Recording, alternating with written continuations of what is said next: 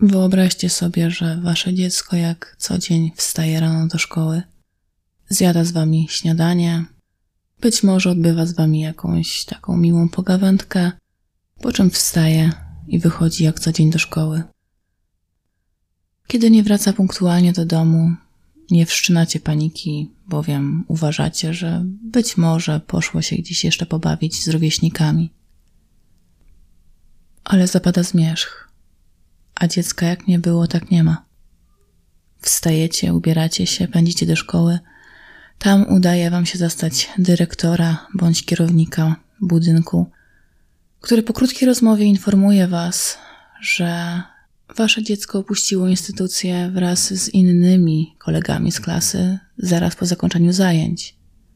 Wkrótce dowiadujecie się, że pod szkołą kręcił się jakiś nieznany mężczyzna, który już od kilku dni zaczepiał młode dziewczynki wychodzące ze szkoły. Co wtedy czujecie? Panikę, strach, przerażenie? Jeżeli odpowiecie sobie na to pytanie, to będziecie prawdopodobnie wiedzieć, co czuł jeden z mieszkańców Łodzi prawie 100 lat temu, kiedy dowiedział się o zaginięciu swojej córki. Dziś opowiem Wam historię uprowadzenia siedmioletniej chłosówny, której zaginięcie postawiło na nogi niemal wszystkie urzędy śledcze.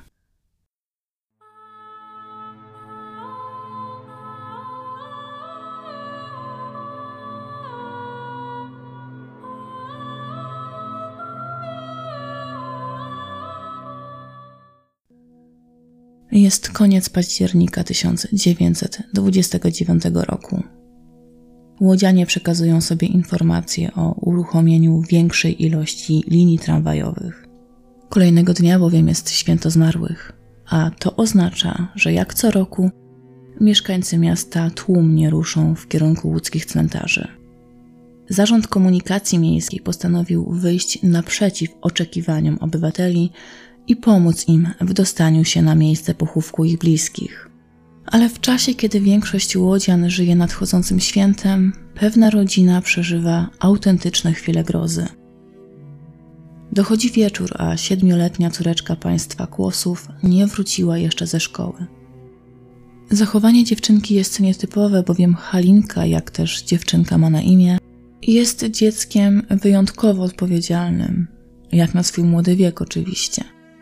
Doskonale wiedziała, że nie wolno jej bawić się samej po zmroku, a już na pewno nie bez zostawienia informacji, gdzie i z kim się wybiera. Zaniepokojony ojciec dziewczynki postanowił udać się do kierownika szkoły, do której uczęszczała jego córka. Mężczyzna miał bowiem nadzieję, iż uzyska jakieś informacje, które pomogą naprowadzić go na ślad zaginionej siedmiolatki ale kierownik zeznał, iż Kłosówna opuściła budynek szkoły wiele godzin temu. Wraz ze swoimi koleżankami z klasy wyszła ze szkoły w porze obiadowej, po czym wszystkie dzieci rozeszły się do domów. Kierownik zasugerował zaniepokojonemu ojcu, by ten skontaktował się z rodzicami najbliższych koleżanek swojej córki. Być może dziewczynki, z którymi Halinka wracała do domu, będą wiedziały coś więcej. Zgodnie z sugestią kierownika, Kłos udał się do mieszkania jednej z ulubionych koleżanek jego córki. Od jej rodziców dowiaduje się, że dziewczynka wróciła do domu już dawno temu. Jej rodzice, usłyszawszy od Kłosa o możliwym zaginięciu Halinki, natychmiast zawołali swoją córkę. Ta jednak, co było dość dziwne, na widok ojca Halinki zrobiła się blada jak ściana. Dziecko było bardzo zdziwione, że w jej mieszkaniu stoi nie kto inny jak pan Kłos we własnej osobie i to jeszcze cały i zdrowy. Co się bowiem okazało? Kiedy dziewczynki wracały wspólnie do domu na ulicy Mickiewicza, do Halinki podszedł pewien młody, elegancki pan. Nieznajomy zwrócił się do dziewczynki po imieniu, a widząc jej nieufność, odparł, iż przychodzi do niej na prośbę jej ojca. Tego dnia bowiem pan Kłos miał zostać potrącony przez samochód, a jego stan miał być tak ciężki, że nieszczęśnik walczył o życie w szpitalu. Informacja miała zaszokować siedmiolatkę, która martwiąc się o swojego ojca zaczęła szlochać. Nieznajomy mężczyzna miał zacząć pocieszać dziecko, by te nie martwiło się zawczasu, że jej ojciec, choć mocno poturbowany, jest przytomny. Poprosił go nawet, by sprowadził do szpitala jego rodzinę, co też ten oczywiście uczynił. W szpitalu wraz z potrąconym mężczyzną była już jego żona oraz reszta dzieci, rodzeństwo małej Halinki. Do sprowadzenia została jeszcze tylko ona, bowiem do tej pory odbywały się zajęcia szkolne, a mężczyzna nie chciał przerywać w jej edukacji. Siedmiolatka nie wahała się ani chwili. Natychmiast chciała zobaczyć swojego ojca i upewnić się na własne oczy, że z jej tatulkiem wszystko w porządku. Chwyciła mężczyznę za rękę i razem ruszyli przed siebie. Stojące nieopodal dzieci, z którymi jeszcze przed chwilą kłosówna miała wracać do domu, zdążyły jeszcze zauważyć, jak ich koleżanka znika we wnętrzu samochodu zaparkowanego za rogiem, czy też według innych relacji do taksówki. Był to ostatni raz, kiedy dziewczynka widziała Halinkę. Nie rozumiała jedynie, dlaczego pan Kłos stoi teraz w jej domu, zamiast leżeć w ciężkim stanie w szpitalu. Kłos wyleciał na dwór jak poparzony. W mig zrozumiał, że jego córka została podstępnie oszukana. A to oznaczało, że jej życie jest zagrożone. Nie wiadomo przecież, jakie zamiary względem dziewczynki może mieć nieznajomy mężczyzna. Ale bazując na tym, iż bez skrępowania posunął się do kłamstwa, to raczej nie były one zbyt dobre. Kłos natychmiast skierował się na najbliższy posterunek policji. Traf chciał, że był to łódzki komisariat numer 3. Funkcjonariusze przyjmują zawiadomienie od zatroskanego ojca i od razu przystępują do działania. Pierwsze informacje, do jakich udaje się dotrzeć łódzkiej policji, są dość niepokojące. Mundurowym udaje się bowiem dojść do świadków, którzy na wieść o uprowadzeniu siedmiolatki przypominają sobie o postaci dziwnie zachowującego się młodego mężczyzny. Nieznajomy miał być widywany pod szkołą podstawową już od kilku dni, gdzie zaczepiał dzieci wychodzące ze szkoły. Łódzcy funkcjonariusze wiedzieli, że nie mają tutaj ani chwili do stracenia. Istniało tutaj bowiem dość duże przypuszczenie, że mała Halinka została porwana przez człowieka zaburzonego, który tylko czekał na dogodną okazję. A to znaczyło, że dziecko jest w ogromnym niebezpieczeństwie. Gdyby sytuacja miała miejsce w obecnych czasach, zapewne od razu internet zostałby zalany fotografią dziewczynki, a policja najpewniej ogłosiłaby. Tak Amber Alert. Sto lat temu nie było jednak takich możliwości.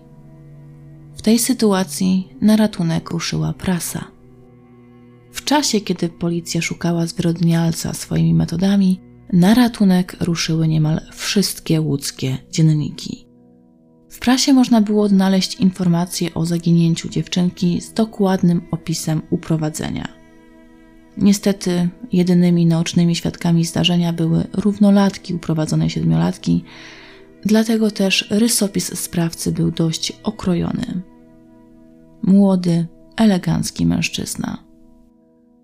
Prawdopodobnie dość majętny jak na ówczesne czasy, o ile oczywiście wersja z posiadaniem przez niego samochodu była prawdziwa. Sprawdzano wszystkich łódzkich taksówkarzy. Jedna z wersji mówiła bowiem, iż mężczyzna wsiadł do taksówki. Był to obiecujący trop, bowiem istniała szansa, że któryś z łódzkich taksówkarzy zapamiętał mężczyznę z małym dzieckiem, a pamiętajmy, że w tamtych czasach taksówkarzy aż tak wielu jednak nie było.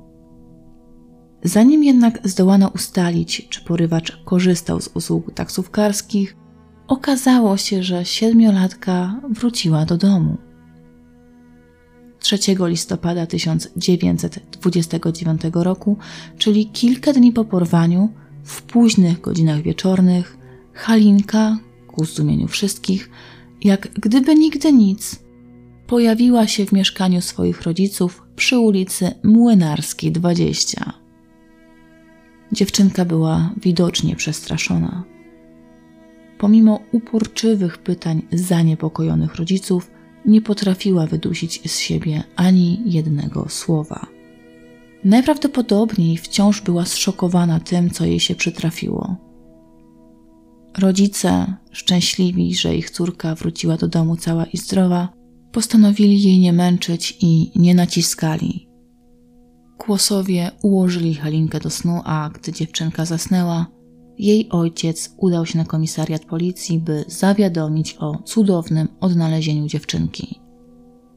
Następnego dnia policjanci pojawili się w mieszkaniu państwa Kłosów, mając nadzieję na uzyskanie od dziewczynki informacji, które mogłyby naświetlić okoliczności porwania. Początkowo siedmiolatka była tak wyczerpana psychicznie, że odmawiała wszelkich wyjaśnień. Wkrótce jednak, upewniając się, że znajduje się we własnym domu, w bezpiecznym dla siebie środowisku, zaczęła otwierać się przed mundurowymi. Nikt jednak nie spodziewał się tego, jak potoczy się historia, którą opowiedziała dziewczynka.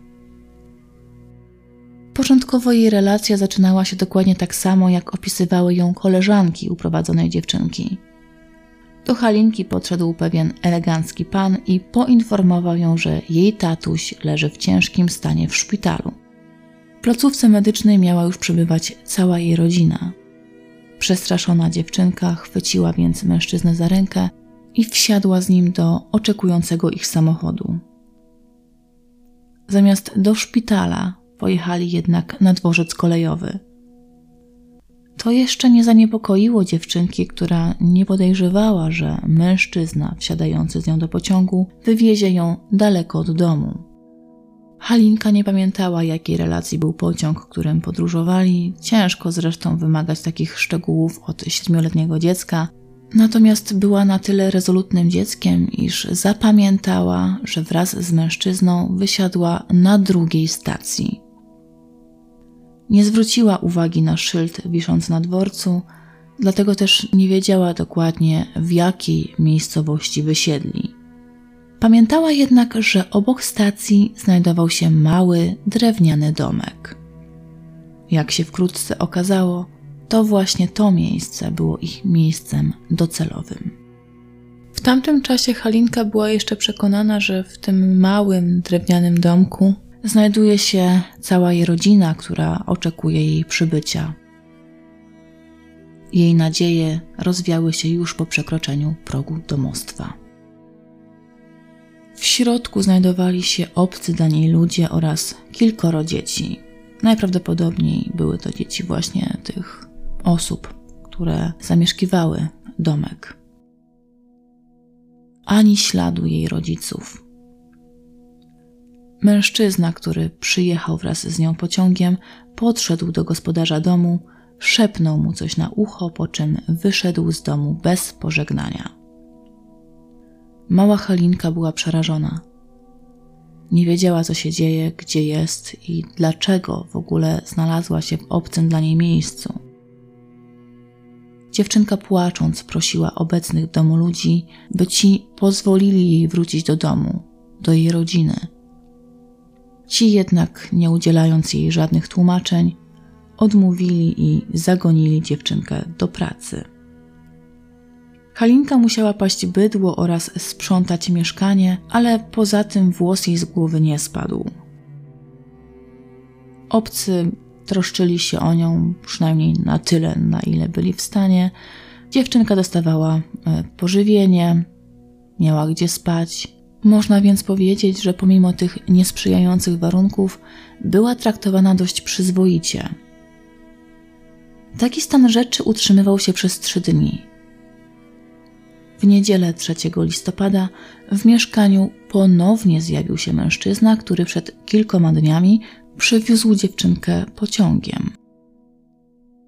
Po krótkiej rozmowie z gospodarzami ubrał Halinkę w płaszczyk, po czym wraz z dzieckiem ponownie udał się na pobliską stację kolejową.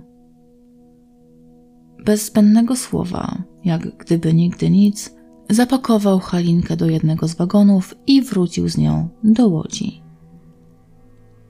Po wyjściu z pociągu mężczyzna odprowadził ją na róg ulic Franciszkańskiej oraz Dworskiej, która obecnie nosi nazwę ulicy Organizacji Wolności i Niezawisłości. Tutaj w tym miejscu wklejam Wam mapę z zaznaczonym miejscem, gdzie porywacz zostawił dziewczynkę. Jak się zresztą okazało, sam mieszkał niedaleko, ale o tym za moment. Mała Halinka pod sam koniec swojej opowieści poinformowała policjantów o tym, iż mężczyzna prosił ją, aby wróciła prosto do domu i powiedziała tam swoim rodzicom, że porwał ją jakiś nieznajomy jej pan. I na tym historia mogłaby się zakończyć. Ale Halinka spojrzała z błyskiem w oku na zgromadzonych, pełnych napięcia mundurowych i z uśmiechem na ustach odrzekła – ale ja go znam.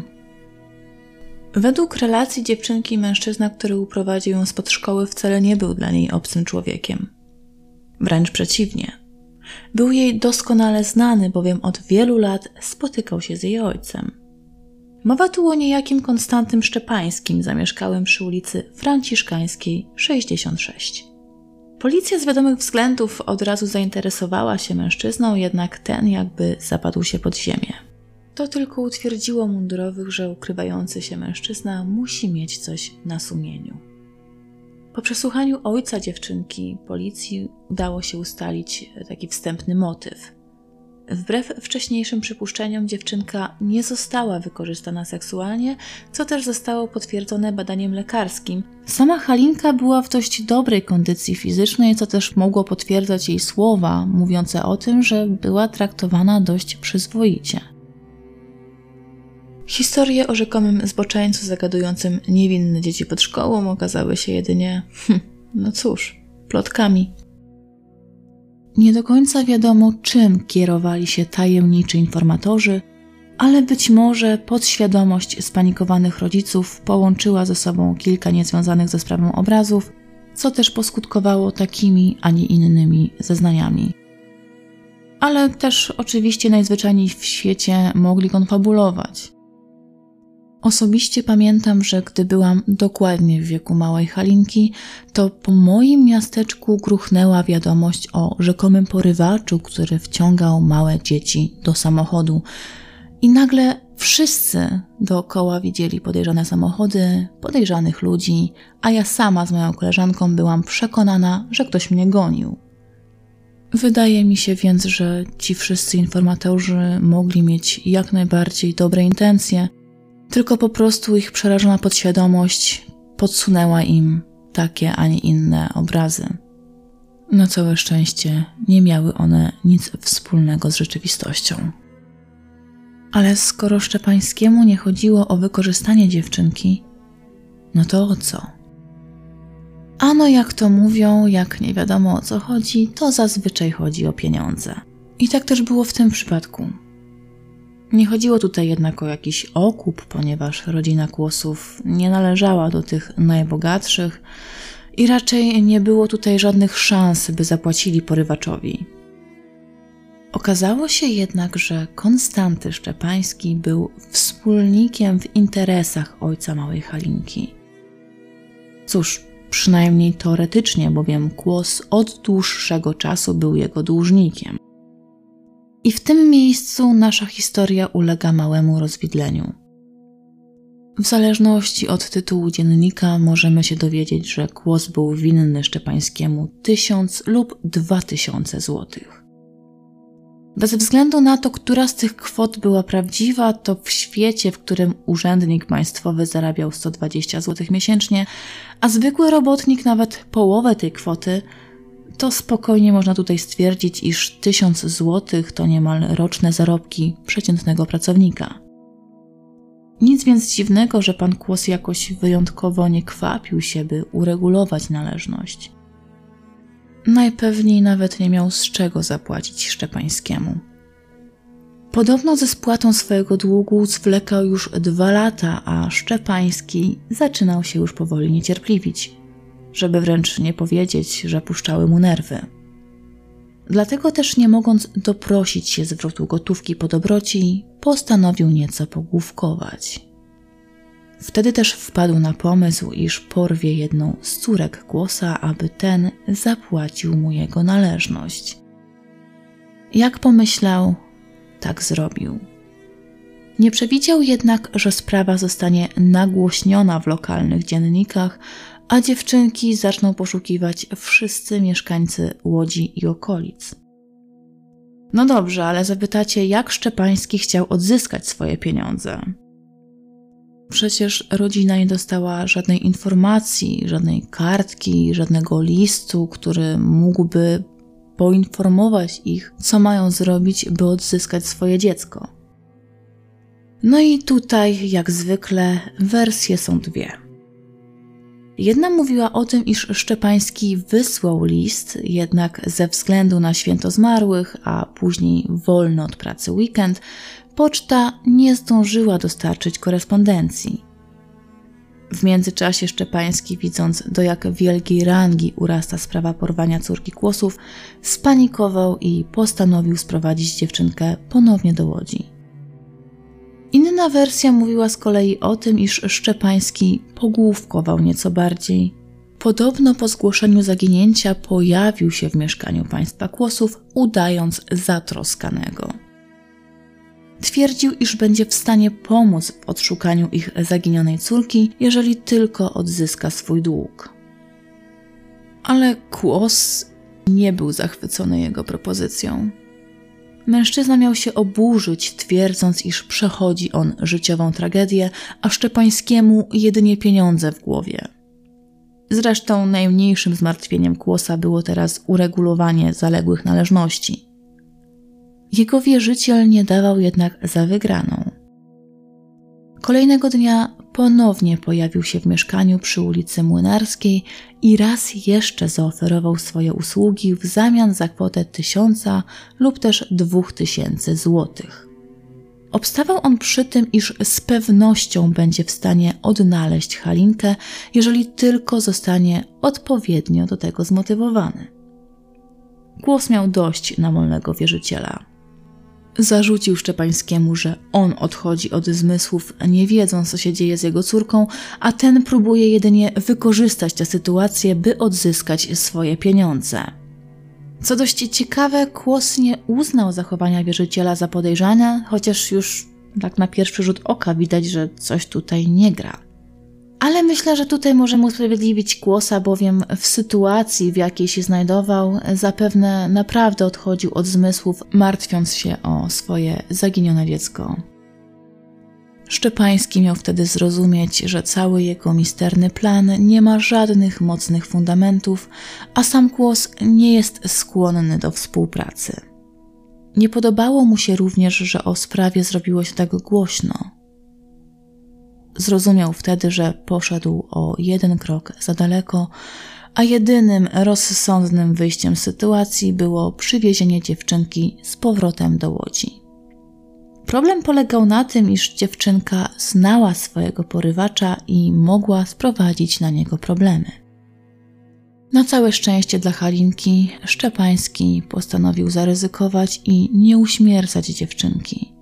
Zresztą od samego początku skrzywdzenie dziecka nie było tutaj jego intencją.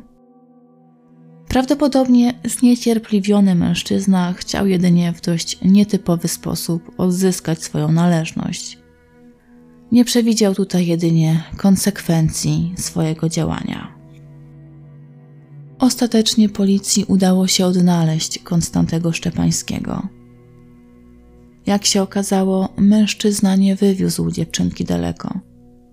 Przez cały ten czas Halinka znajdowała się pod opieką jego rodziny zamieszkałej ówcześnie w podłódzkim Andrzejowie, wsi, która obecnie jest już przyłączona do miasta Łodzi i znajduje się na terenie Widzewa. Wieś nie była tak mała, jakby się wydawało, bowiem zamieszkiwało ją jakoś około 600 mieszkańców, a Halinka została ulokowana w małym domku na osiedlu stacji kolejowej. Co dość interesujące, według zeznań dziewczynki pomagała ona rodzinie Szczepańskiego wypasać bydło, jednak żaden z lokalnych mieszkańców nie zainteresował się obcą dziewczynką, która pojawiła się znikąd. a ciężko jest mi tutaj uwierzyć, że nie została ona zauważona przez nikogo z mieszkańców wsi.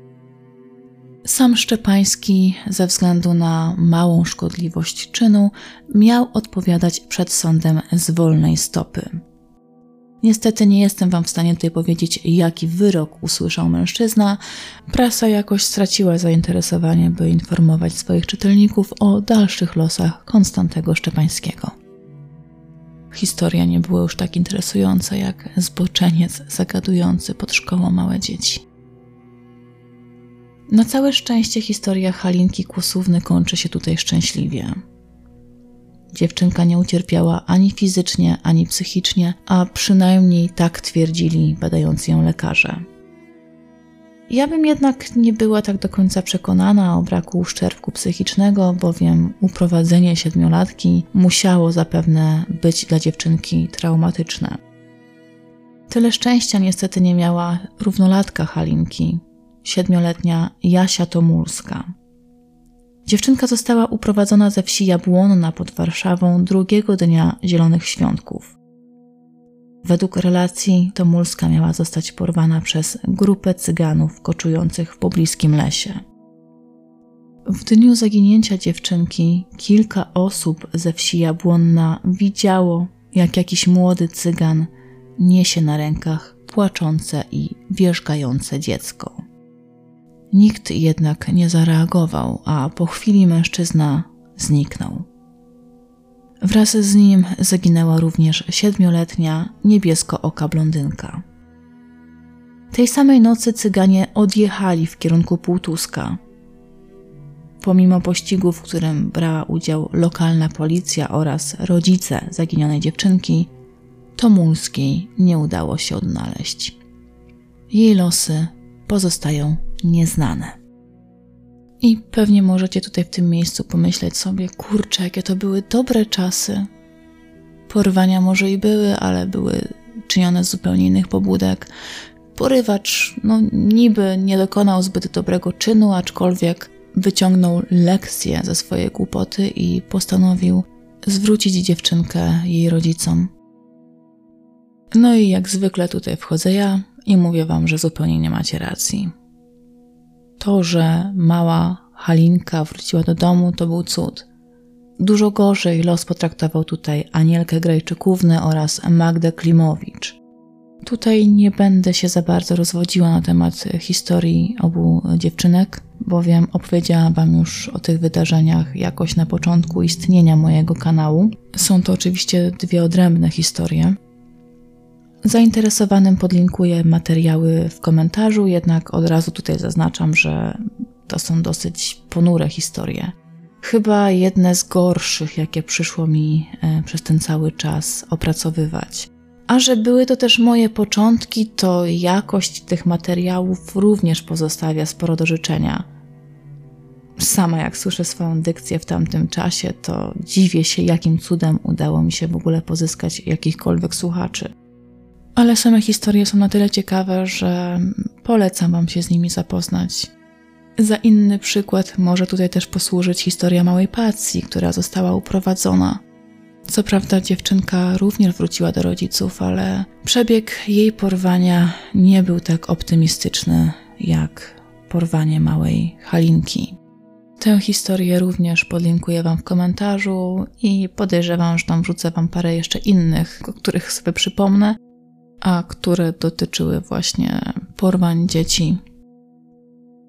I niekoniecznie e, te porwania zakończyły się tak samo dobrze jak porwanie Halinki Kłosówny. Dziękuję Wam za wysłuchanie dzisiejszej historii. W tym miejscu, tak na koniec, chciałabym Wam powiedzieć, że zapewne część z Was wie, że ostatnio pytałam Was na swoim Instagramie, czy chcielibyście usłyszeć o tak zwanych porwaniach rodzicielskich w drugiej RP. I ku mojemu zdumieniu jedynie chyba 4 czy 5 osób zagłosowało przeciwko. Tak więc e, oczywiście taki materiał dla Was również przygotuję. Myślę, że to dość dobrze pokaże Wam, że ta tak zwana alienacja rodzicielska i porwania rodzicielskie to nie jest tylko domena naszych obecnych czasów. A takie rzeczy działy się zawsze. To, że dawniej nie było rozwodów, że ludzie się nie rozchodzili, to też raczej można włożyć między bajki. Nie rozchodzili się tylko ci, którzy nie mogli, którym sytuacja materialna na to po prostu nie pozwalała. Polecam Wam również śledzić mojego Instagrama, bowiem e, dość często zdarza mi się konsultować z Wami tematykę moich następnych odcinków. Myślę, że nawet będę robiła to dużo częściej. Wtedy przynajmniej mam taką pewność, że przygotowywane przeze mnie materiały są dla Was interesujące. Dziękuję Wam za każdą formę wsparcia, czy to jest łapka w górę, czy komentarz, czy też serwis Patronite. Wasze wsparcie jest dla mnie naprawdę wszystkim i pozwala mi nadal prowadzić ten kanał. Gdyby nie wy, gdyby nie te wszystkie pozytywne komentarze, to prawdopodobnie on już dawno by nie funkcjonował. Trzymajcie się ciepło, moi drodzy. Mam nadzieję, że usłyszymy się wkrótce.